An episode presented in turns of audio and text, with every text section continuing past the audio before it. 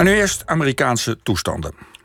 It was a disgraceful recommendation. What do you think they ought to be ashamed of themselves. Uh, I think it's a disgrace. I thought the recommendation was ridiculous. I thought the whole prosecution was ridiculous. And I look at others that haven't been prosecuted, or I don't know where it is now. But when you see that, I thought it was an insult to our country. Ja, president Trump was dat hij deze week wederom via Twitter onder meer een storm ontketende. Want in die tweet verzonden om twee voor half twee dinsdagnacht... noemde hij de strafeis van zeven tot negen jaar... die zijn voormalig adviseur en goede vriend Roger Stone... boven het hoofd hangt vreselijk, oneerlijk en een gerechtelijke dwaling. En kort erop werd de strafeis door het ministerie van Justitie... naar vier jaar verlaagd. En daarop stapten de vier openbaar aanklagers in die zaak weer op. Justitieminister William Barr liet donderdag weten... dat Trumps tweets zijn werk onmogelijk begint te maken. Ja, een groot constitutioneel conflict dus. En wij vroegen ons af, wie is deze Roger Stone eigenlijk... Eh, die, waarvoor Trump bereid is zijn minister van Justitie... tot het uiterste te drijven. En we vroegen ons natuurlijk ook af, eh, waar gaat dit allemaal naartoe? Gaat het nou toch een beetje richting dictatuur... of is het gewoon een kleine ondermijning van een democratie? Eh, dat gaan we bespreken met Albertine Bloemendaal... Amerikaniste aan de Radboud Universiteit. Albertine, welkom.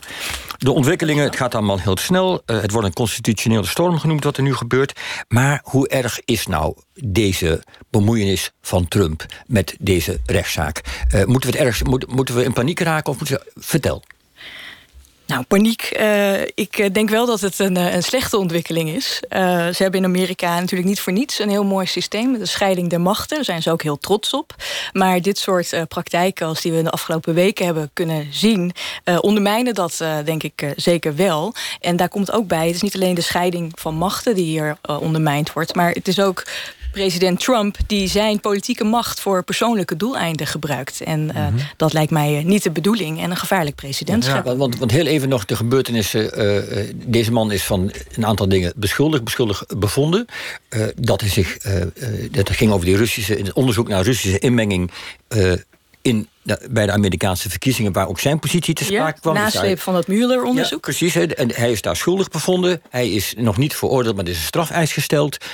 Uh, hij, hij, zou het congres hebben misleid, et cetera, et cetera. Het is allemaal vrij ernstig. Ja.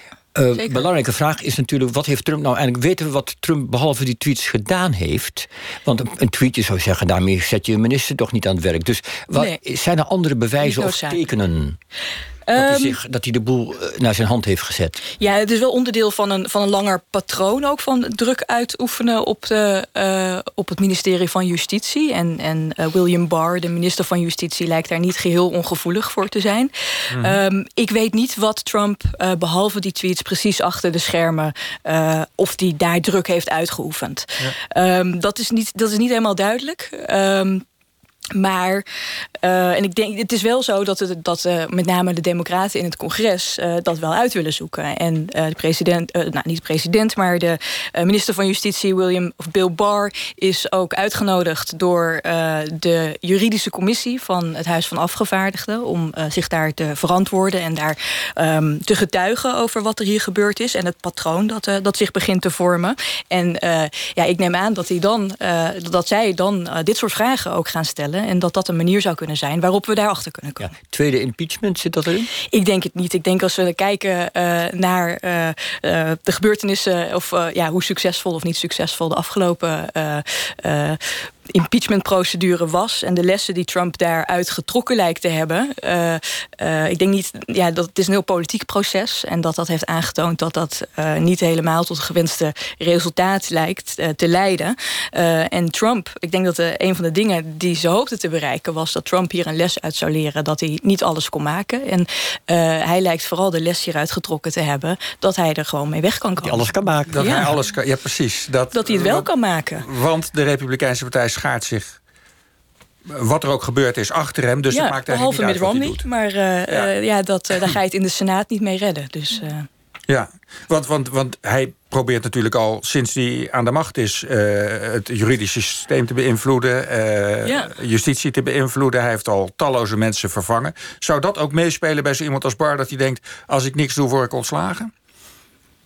Uh, dat, nou ja, dat, het, het creëert natuurlijk wel een, een, klimaat waarin een bepaalde druk wordt uitgeoefend. Uh, uh, waarbij het heel duidelijk is dat Trump boven alles hecht aan loyaliteit van de mensen. Zodra iemand zich dis, in zijn perspectief, Trumps perspectief, disloyaal toont, dan laat hij ze vallen als een baksteen. Ja. dus die loyaliteit, ja, om, dat, om, om daar niet gehoor aan te geven aan oproepen van Trump, ja, dat is toch wel een beetje gevaarlijk. Dat is gevaarlijk. En als er iemand loyaal is, dan is het deze meneer Stonewall, hè, waar het nu dan om gaat. Dan is het deze Stonewall, ja, zeker. vertel eens wat over Wie is het eh, precies? ja, Roger Stone is al decennia lang een uh, belangrijke speler... in ieder geval achter de schermen van de uh, Amerikaanse politiek. hij is vooral heel invloedrijk geweest... of in ieder geval betrokken geweest... bij een hele rits aan republikeinse campagnes met name... van republikeinse kandidaten. En daarbij staat hij eigenlijk vooral bekend als de dirty trickster... van de Republikeinse Partij. Als iemand die uh, het, uh, ja, het vieze politieke handwerk niet schuwt... de duistere kanten van de politiek eigenlijk uh, zich eigen heeft gemaakt. En mm -hmm. ja, vooral allemaal ja, wat we toch als een beetje smerige trucs... en de negatieve campagnes zien. En, dat gaat, en, en hij is iemand die schandalen aanstookt... of gewoon helpt creëren, of dat nou op feiten gebaseerd is of niet. die allemaal samenzweringstheorieën verspreidt... en ook gewoon zelf de wereld in helpt te, te, uh, te werken. En dat gaat van uh, samenzweringstheorieën over de moord op Kennedy... tot en met de deep state en um, de Clintons bijvoorbeeld. Ja, eh, al lang voor de term fake news bestond, uh, was hij ermee bezig. Ja, zeker. Hij zegt zelf zelfs dat hij, dat hij eigenlijk... Um, op de lagere school al achter uh, uh, ja, de, de kracht van desinformatie kwam. Toen er was een soort van uh, nepverkiezing. Of een, ze deden de verkiezingen toen 1960 geloof ik na Kennedy tegen Nixon. En um, er moest gestemd worden op de, op de lagere school. En hij had al zijn, zijn uh, klasgenoten ervan overtuigd... dat als ze op uh, Nixon zouden stemmen... dat hij ervoor zou zorgen dat ze op zaterdag naar school moesten. En dat was natuurlijk nergens op gebaseerd. Maar het werkte wel. dat ze op zaterdag naar school moesten? Waarom ja. was dat erg? Of dat, dat, dat, ze willen natuurlijk vrij hebben. Ze wilden ja, graag, de kinderen wilden graag vrij hebben. Ja, die ja, dat bedoelt dat ze niet op, naar school hoefden op zaterdag, bedoel je? nee, als, als, als een politieke rivaal gekozen werd, zou die ervoor zorgen oh, okay. dat, dat, uh, dat, ze ook op zaterdag naar school moesten. Hij was, hij was dus al heel jong onder de indruk van Nixon. Uh, nou, toen was hij eigenlijk, hij is katholiek op, toen ja. was hij nog voor Clinton. Maar eigenlijk begint zijn, carrière, zijn politieke carrière uh, met de campagne, of de herverkiezingscampagne van Nixon in en 1972. Een 20-jarige jongen. ja, 1920. dus echt nog heel jong. En ik geloof niet dat zijn rol heel groot daarin was. Maar ook daar manifesteerde hij zich als, als die dirty trickster. Bijvoorbeeld door in de voorverkiezingen. Um, er was een, eh, een republikein die Nixon uitdaagde. Die, die het kandidaatschap voor de republikeinen ook wel zag zitten. McCloskey. En wat nou ja, het verhaal gaat in ieder geval dat uh, Stone heeft, uh, ervoor heeft gezorgd, of in ieder geval een donatie heeft gegeven aan die campagne van die tegenkandidaat. Um, niet in naam van hemzelf, maar van de Socialist, de Young Socialist Alliance. De jonge socialisten dus eigenlijk. En hij, dat werd geaccepteerd. En vervolgens heeft Stone om een bonnetje gevraagd van die donatie in naam van de jonge socialisten. Dat kreeg hij. En dat heeft hij vervolgens in de krant laten publiceren.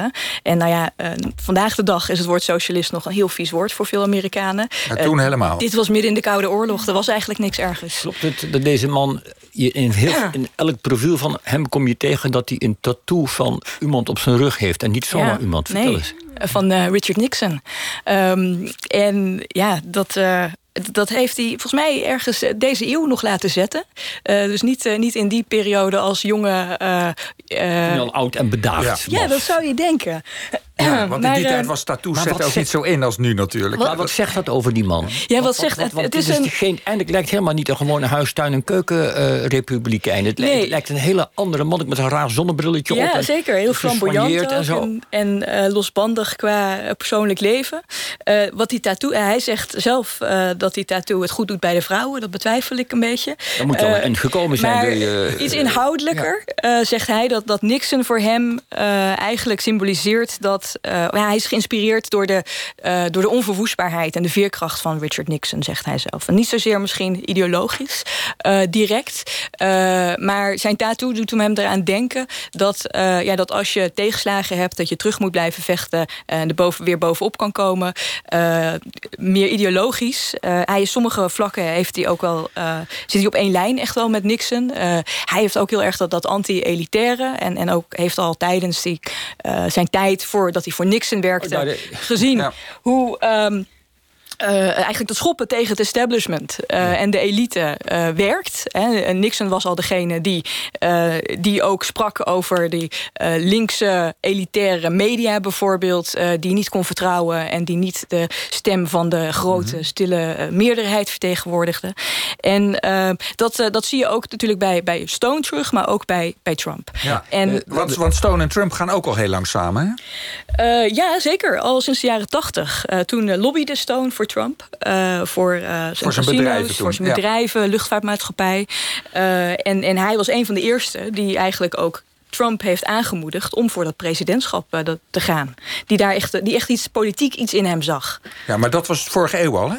Dus dat was, ja, dat was de vorige eeuw al. En hij heeft al een keer nog niet. Eerder, hij heeft een keer eerder al, uh, begin, uh, al keer eerder is hij kandidaat uh, geweest ook voor de Reform Party. Of in ieder geval was er sprake van Trump. Um, maar ja, nu, nu wilde hij, hij zegt zelf, ik, ik wilde het zelf eigenlijk niet tot nu. En, is, is hij de uitvinder van Trump? Ik vind dat heel moeilijk te zeggen. Maar ik denk wel dat, dat uh, uh, een belangrijke rol heeft gespeeld in dus, uh, in Trump te overtuigen en, en, en bewust te maken van de mogelijkheid uh, dat hij een kans zou kunnen maken als presidentskandidaat. Uh, en ik denk ook, ze zijn heel erg uit hetzelfde hout gesneden, heel erg dezelfde strategieën die ze toepassen. Um, en uh, ook altijd alles ontkennen en gewoon de tegenaanval nooit erkennen dat je iets fout hebt gedaan. alles ontkennen, de tegenaanval ingaan, het, angst gebruiken, dat soort werk. Weten we wat Trump van die tatoeage van Nixon terug van deze man vindt? Want we zagen net op de, op, op de, op de site eh, een fotootje van die tatoeage op zijn rug. En dat is niet eens zo heel onbeschaafd. Het is, het is redelijk groot, maar niet de hele rug. Nee, de nek, boven op zijn rug. Een beetje. Ja. Eh, vindt, wat vindt Trump van zoiets? Acceptabel, van, denk ik? Nee, ik weet eigenlijk niet wat Trump van zijn tatoeage vindt. Maar Nixon is natuurlijk wel de meest, uh, vo, meest Trumpiaanse figuur in de Republikeinse geschiedenis. Hè? Als je bedenkt, die liep ook tierend en vloekend in dat mm Witte Huis rond. Hè? Dat zijn memoirs van Kissinger. Lees de White House Years. Die liep vloekend en tierend rond over al die journalisten en dit en dat. Dus het is niks het past wel heel goed. Het is heel consequent van die. Ja. Nixon en Reagan, maar, Trump, ja, maar Trump, Trump, overstijgt het natuurlijk. Ja, maar Reagan was gewoon een brave borst vergeleken met Nixon. Is het, uh, is het nou klaar met het gedoe van Trump? Of, of gaan, we, gaan we nog verdere ondermijning van de scheiding der machten zien? Wat denk je? Uh, nou ja, ik denk dat. Uh, ondermijning van de democratie. Ja, ik denk dat, dat hij. Ehm, nou ja, wat ik zei eerder, is dat, dat hij dus eigenlijk de les uit dat, die impeachmentprocedure heeft getrokken. Dat, uh, dat hij hier gewoon dat dit werkt en dat hij uh, ermee weg kan komen. Ik denk wel dat de Democraten er alles aan zullen doen om uh, in ieder geval wat hij heeft gedaan, zoveel mogelijk in de publiciteit te krijgen. Dat daarom ook die minister van Justitie uitgenodigd is om te getuigen um, in, het, in, in het Huis van Afgevaardigden. dus ik denk dat het nog niet helemaal af is. Maar ik denk dat Trump ook zeker niet zijn les geleerd heeft hiermee. Ja, en Stone, gaat hij, hoe lang gaat hij de gevangenis in? Schat jij in? Ja, oeh. Um, of krijgt hij een pardon van Trump? Nou ja, daar, dat is misschien wel uh, waar hij op hoopt. Hè? Dat is waarom hij wellicht zo loyaal was. Mm -hmm. um, en uh, Trump heeft vooral, denk ik, laten zien dat hij er niet voor schuwt... om uh, zijn presidentiële macht te gebruiken... om in te grijpen in dat juridisch proces... ten behoeve van zijn vrienden, zoals Stone. Goed. Nou, Albertine Bloemendaal, bedankt voor je komst. En nou, wie weet, als er nieuwe ontwikkelingen zijn... vraag je weer